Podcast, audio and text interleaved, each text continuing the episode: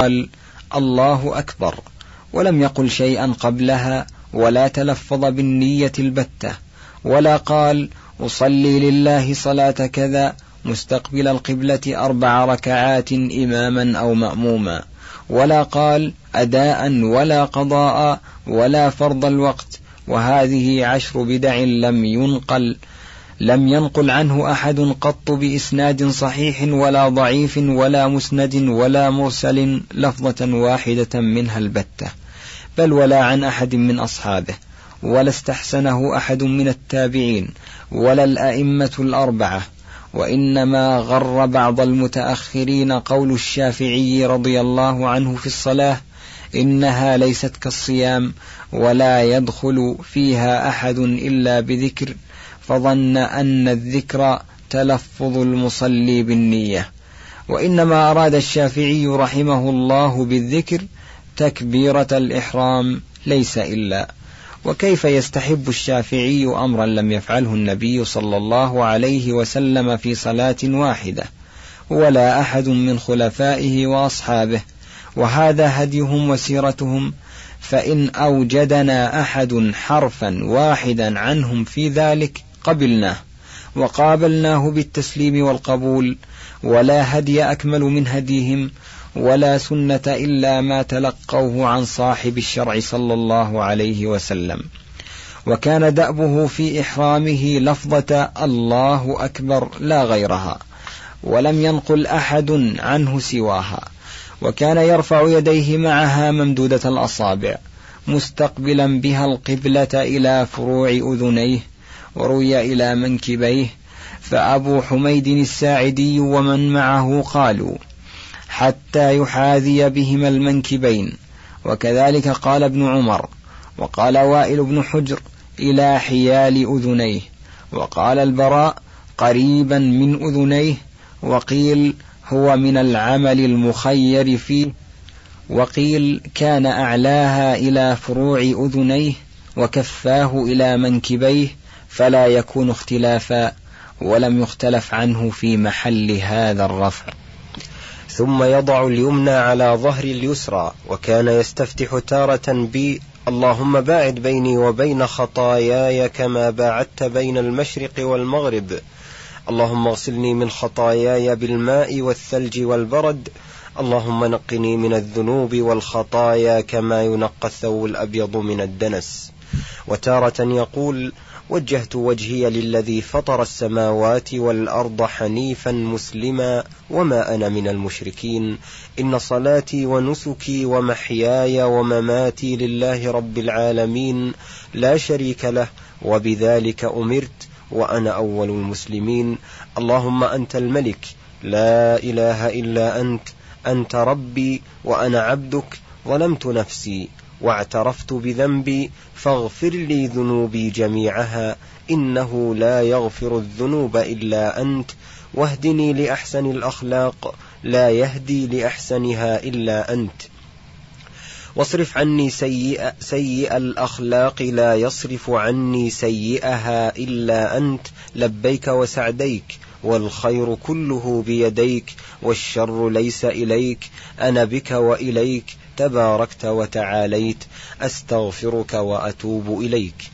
ولكن المحفوظ أن هذا الاستفتاح إنما كان يقوله في قيام الليل وتارة يقول اللهم رب جبرائيل وميكائيل وإسرافيل فاطر السماوات والأرض عالم الغيب والشهادة أنت تحكم بين عبادك فيما كانوا فيه يختلفون. اهدني لما اختلف فيه من الحق بإذنك إنك تهدي من تشاء إلى صراط مستقيم. وتارة يقول اللهم لك الحمد أنت نور السماوات والأرض ومن فيهن الحديث.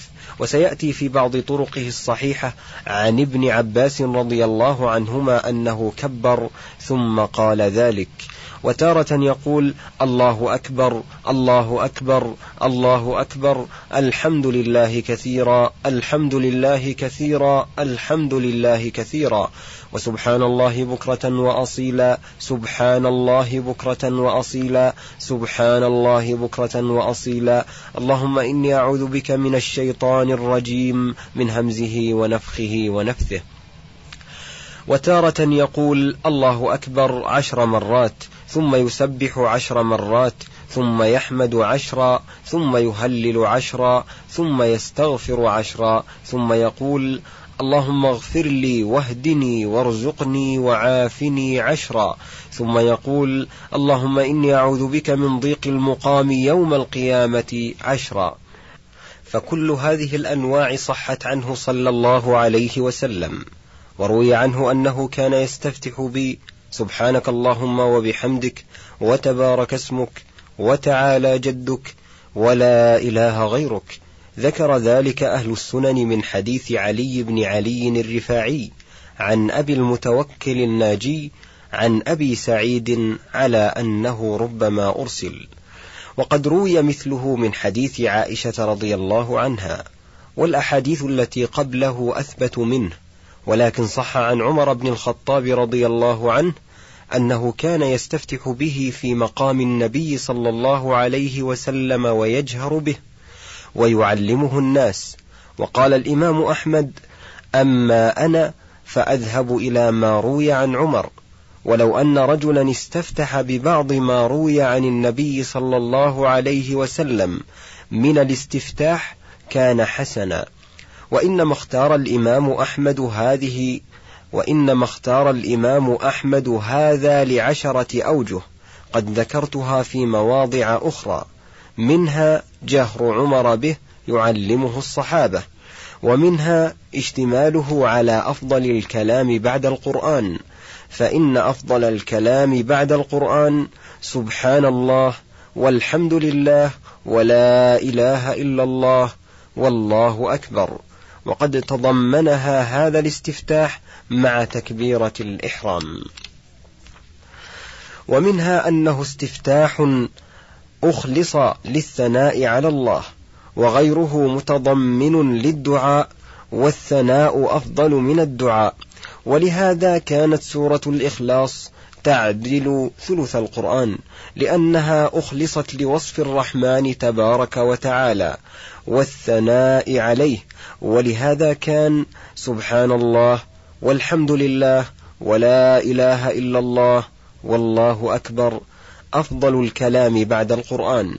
فيلزم أن ما تضمنها من الاستفتاحات أفضل من غيره من الاستفتاحات. ومنها أن غيره من الاستفتاحات عامتها إنما هي في قيام الليل في النافلة. وهذا كان عمر يفعله. ويعلمه الناس في الفرض. ومنها أن هذا الاستفتاح إنشاء للثناء على الرب تعالى متضمن للإخبار عن صفات كماله ونعوت جلاله والاستفتاح بوجهت وجهي إخبار عن عبودية العبد وبينهما من الفرق ما بينهما. ومنها أن من اختار الاستفتاح بوجهت وجهي لا يكمله. وإنما يأخذ بقطعة من الحديث ويذر باقية بخلاف الاستفتاح بسبحانك اللهم وبحمدك فإن من ذهب إليه يقوله كله إلى آخره.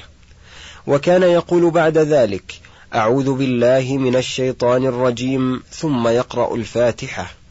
وكان يجهر ببسم الله الرحمن الرحيم تارة ويخفيها أكثر مما يجهر بها. ولا ريب أنه لم يكن يجهر بها دائما في كل يوم وليلة خمس مرات أبدا حضرا وسفرا.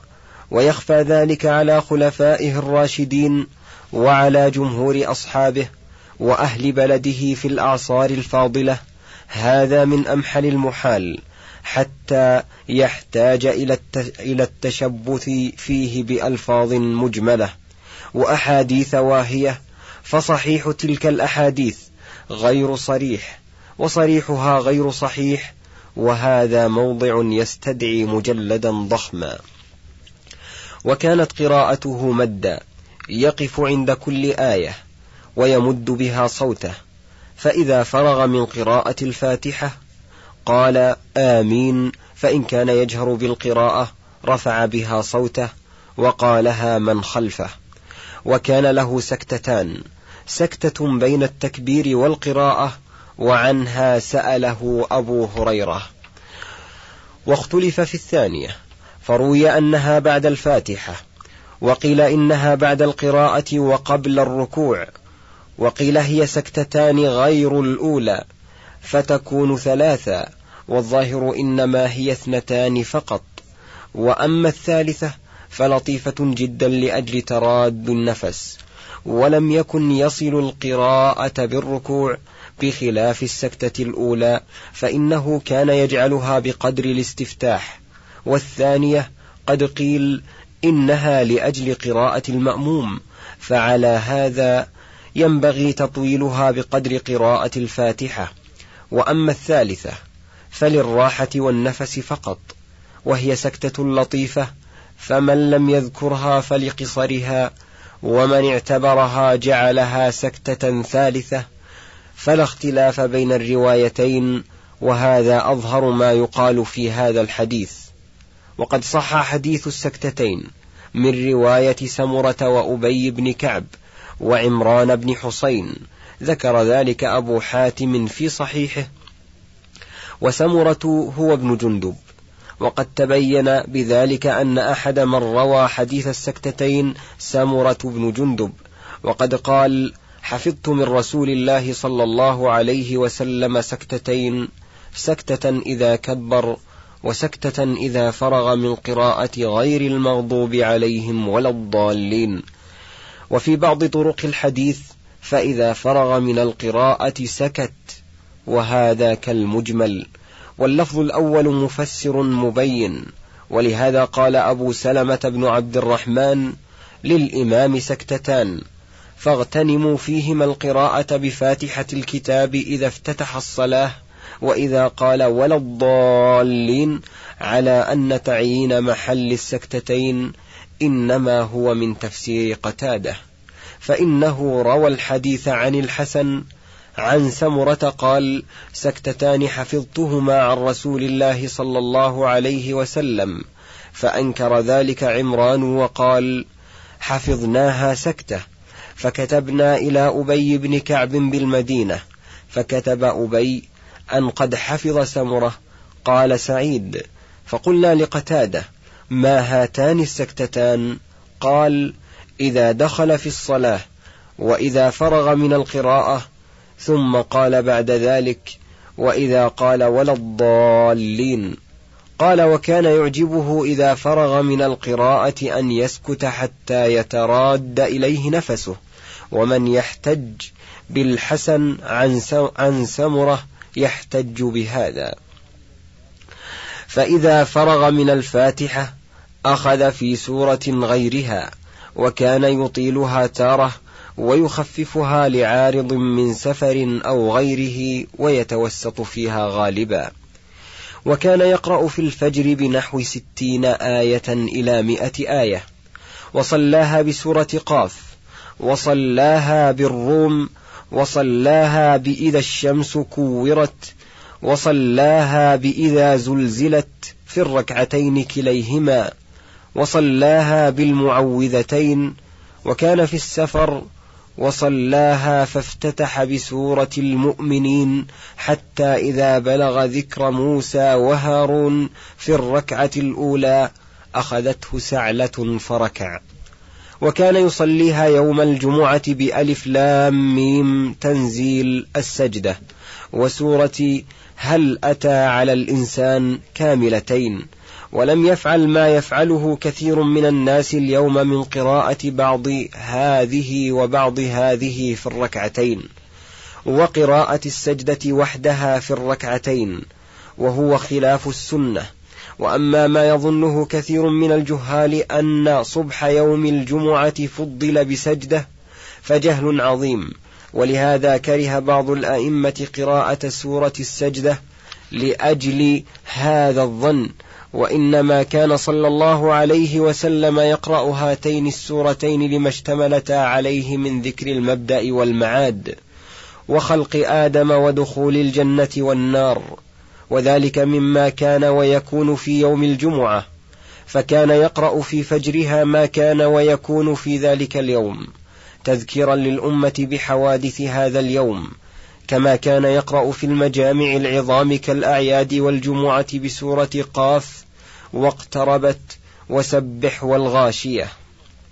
فصل وأما الظهر فكان يطيل قراءتها أحيانا حتى قال أبو سعيد كانت صلاة الظهر تقام فيذهب الذاهب إلى البقيع فيقضي حاجته ثم يأتي أهله فيتوضأ. ويدرك النبي صلى الله عليه وسلم في الركعة الأولى مما يطيلها رواه مسلم. وكان يقرأ فيها تارة بقدر ألف لام ميم تنزيل وتارة بسبح اسم ربك الأعلى والليل إذا يغشى وتارة بالسماء ذات والسماء ذات البروج والسماء والطارق.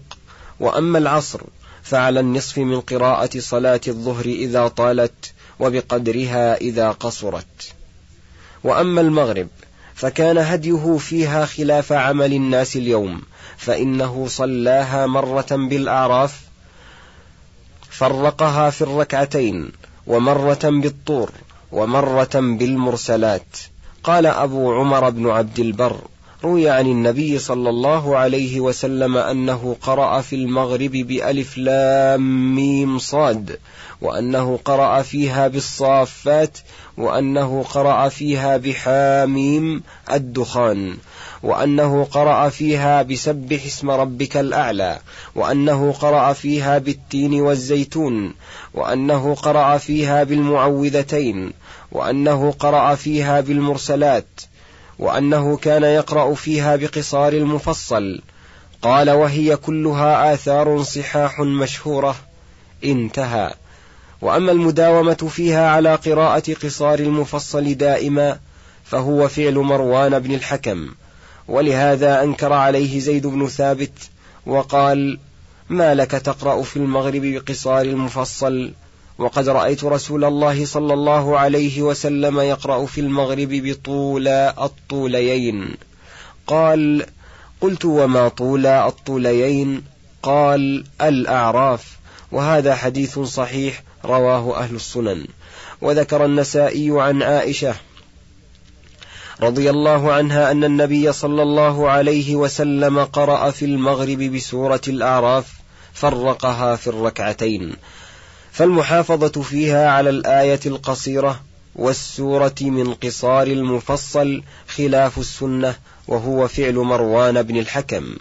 وأما العشاء الآخرة فقرأ فيها صلى الله عليه وسلم بالتين والزيتون ووقت لمعاذ فيها بالشمس وضحاها وسبح اسم ربك الأعلى والليل إذا يغشى ونحوها وأنكر عليه قراءته فيها بالبقرة بعدما صلى معه ثم ذهب إلى بني عمرو بن عوف فأعادها لهم بعدما مضى من الليل ما شاء الله وقرأ بهم بالبقرة ولهذا قال له أفتان أنت يا معاذ؟ فتعلق النقارون بهذه الكلمة ولم يلتفتوا إلى ما قبلها ولا ما بعدها. وأما الجمعة فكان يقرأ فيها بسورتي الجمعة والمنافقين كاملتين وسورة سبح والغاشية. وأما الاقتصار على قراءة أواخر السورتين من يا أيها الذين آمنوا إلى آخرها فلم يفعله قط وهو مخالف لهديه الذي كان يحافظ عليه. وأما قراءته في الأعياد فتارة كان يقرأ سورتي قاف واقتربت كاملتين وتارة سورتي سبح والغاشية وهذا هو الهدي الذي استمر صلى الله عليه وسلم عليه إلى أن لقي الله عز وجل لم ينسخه شيء ولهذا أخذ به خلفاؤه الراشدون من بعده فقرأ أبو بكر رضي الله عنه في الفجر بسورة البقرة حتى سلم منها قريبا من طلوع الشمس. فقالوا يا, يا خليفة رسول الله صلى الله عليه وسلم كادت الشمس تطلع فقال لو طلعت لم تجدنا غافلين. وكان عمر رضي الله عنه يقرأ فيها بيوسف والنحل وبهود وبني إسرائيل ونحوها من السور. ولو كان تطويله صلى الله عليه وسلم منسوخا لم يخف على خلفائه الراشدين. ويطلع عليه النقارون.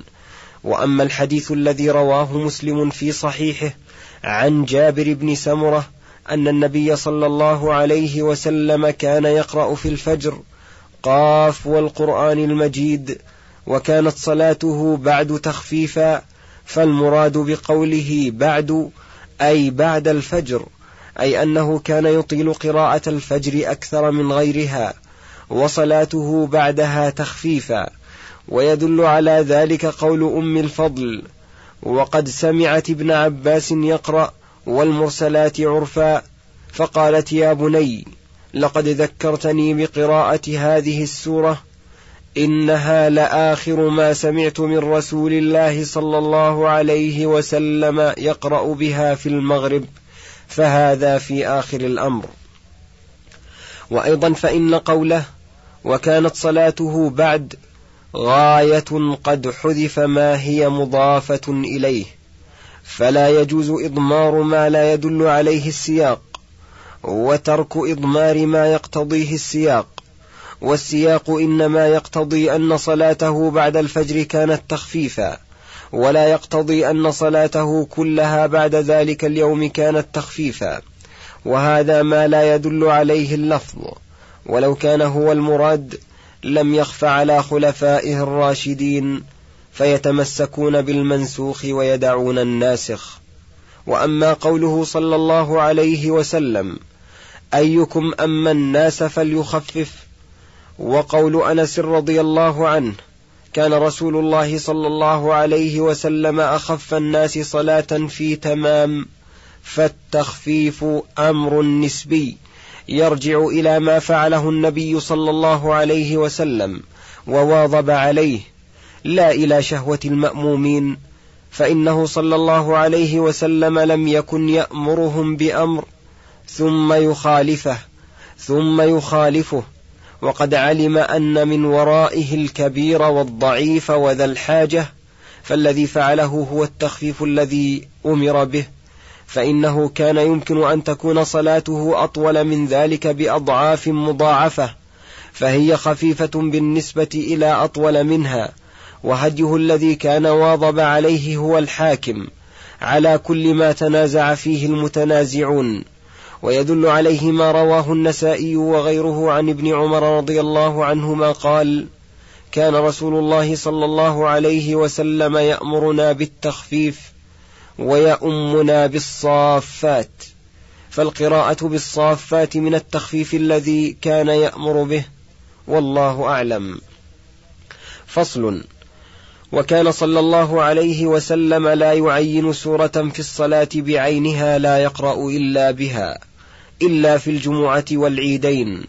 وأما في سائر الصلوات فقد ذكر أبو داود من حديث عمرو بن شعيب عن أبيه عن جده أنه قال ما من المفصل سورة صغيرة ولا كبيرة إلا وقد سمعت رسول الله صلى الله عليه وسلم يؤم الناس بها في الصلاة المكتوبة وكان من هديه قراءة السورة كاملة وربما قرأها في الركعتين وربما قرأ أول السورة وأما قراءة أواخر السور وأوساطها فلم يحفظ عنه وأما قراءة السورتين في ركعة فكان يفعله في النافلة. وأما في الفرض فلم يحفظ عنه. وأما حديث ابن مسعود رضي الله عنه إني لأعرف النظائر التي كان رسول الله صلى الله عليه وسلم يقر يقرن بينهن السورتين في الركعة الرحمن والنجم في ركعة. واقتربت والحاقة في ركعة والطور والذاريات في ركعة وإذا وقعت ونون في ركعة. الحديث. فهذا حكاية فعل لم يعين محله هل كان في الفرض أو في النفل وهو محتمل. وأما قراءة سورة, سورة واحدة في ركعتين معا فقلما كان يفعله. وقد ذكر أبو داود عن رجل من جهينة أنه سمع رسول الله صلى الله عليه وسلم يقرأ في الصبح إذا زلزلت في الركعتين كلتيهما قال فلا أدري أنسي رسول الله صلى الله عليه وسلم أم قرأ ذلك عمدا. فصل. وكان صلى الله عليه وسلم يطيل الركعة الأولى على الثانية من صلاة الصبح ومن كل صلاة. وربما كان يطيلها حتى لا يسمع حتى لا يسمع وقع قدم وكان يطيل صلاة الصبح أكثر من سائر الصلوات. وهذا لأن قرآن الفجر مشهود. يشهده الله تعالى وملائكته وقيل يشهده ملائكة الليل والنهار. والقولان مبنيان على أن النزول الإلهي هل يدوم إلى انقضاء صلاة الصبح أو إلى طلوع الفجر. وقد ورد فيه هذا وهذا. وأيضا فإنها لما نقص عدد ركعاتها جعل تطويلها عوضا عما نقصته من العدد.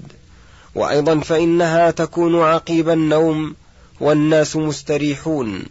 وأيضا فإنهم لم يأخذوا بعد في استقبال المعاش وأسباب الدنيا. وأيضا فإنها تكون في وقت تواطأ فيه السمع واللسان والقلب لفراغه وعدم تمكن الاشتغال فيه فيفهم القرآن ويتد فيفهم القرآن ويتدبره. وأيضا فإنها أساس العمل وأوله فأعطيت فضلا من الاهتمام بها وتطويلها. وهذه أسرار إنما يعرفها من له التفات إلى أسرار الشريعة ومقاصدها وحكمها. والله المستعان. فصل. وكان صلى الله عليه وسلم إذا فرغ من القراءة سكت بقدر ما يتراد إليه نفسه.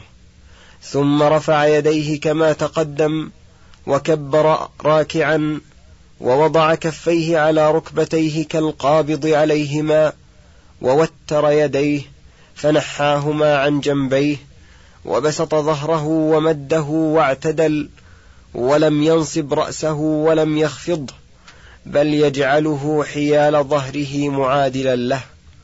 وكان يقول سبحان ربي العظيم. وتارة يقول مع ذلك أو مقتصرا عليه سبحانك اللهم ربنا وبحمدك اللهم اغفر لي. وكان ركوعه المعتاد مقدار عشر تسبيحات وسجوده كذلك. وأما حديث البراء بن عازب رضي الله عنه رمقت الصلاة خلف النبي صلى الله عليه وسلم فكان قيامه فركوعه فاعتداله فسجدته فجلسته ما بين السجدتين قريبا من السواء. فهذا قد فهم منه بعضهم أنه كان يركع بقدر قيامه ويسجد بقدره ويعتدل كذلك. وفي هذا الفهم شيء لأنه صلى الله عليه وسلم كان يقرأ في الصبح بالمئة آية أو نحوها. وقد تقدم أنه قرأ في المغرب بالأعراف والطور والمرسلات. ومعلوم أن ركوعه وسجوده لم يكن قدر هذه القراءة. ويدل عليه حديث أنس الذي رواه أهل السنن أنه قال ما صليت وراء أحد بعد رسول الله صلى الله عليه وسلم أشبه بصلاة رسول الله صلى الله عليه وسلم إلا هذا الفتى يعني عمر بن عبد العزيز. قال فحزرنا في ركوعه عشر تسبيحات وفي سجوده عشر تسبيحات. هذا مع قول أنس أنه كان يؤمهم بالصافات فمراد البراء والله أعلم أن صلاته صلى الله عليه وسلم كانت معتدلة. فكان إذا أطال القيام أطال الركوع والسجود. وإذا خفف القيام خفف الركوع والسجود. وتارة يجعل الركوع والسجود بقدر القيام. ولكن كان يفعل ذلك أحيانا في صلاة الليل وحدها. وفعله أيضا قريبا من ذلك في صلاة الكسوف. وهديه الغالب صلى الله عليه وسلم تعديل الصلاة وتناسبها. وكان يقول أيضا في ركوعه سبوح قدوس رب الملائكة والروح. وتارة يقول اللهم لك ركعت وبك آمنت ولك أسلمت خشع لك سمعي وبصري ومخي وعظمي وعصبي. وهذا إنما حفظ عنه في قيام الليل. ثم كان يرفع رأسه بعد ذلك قائلا سمع الله لمن حمده. انتهى الوجه الأول.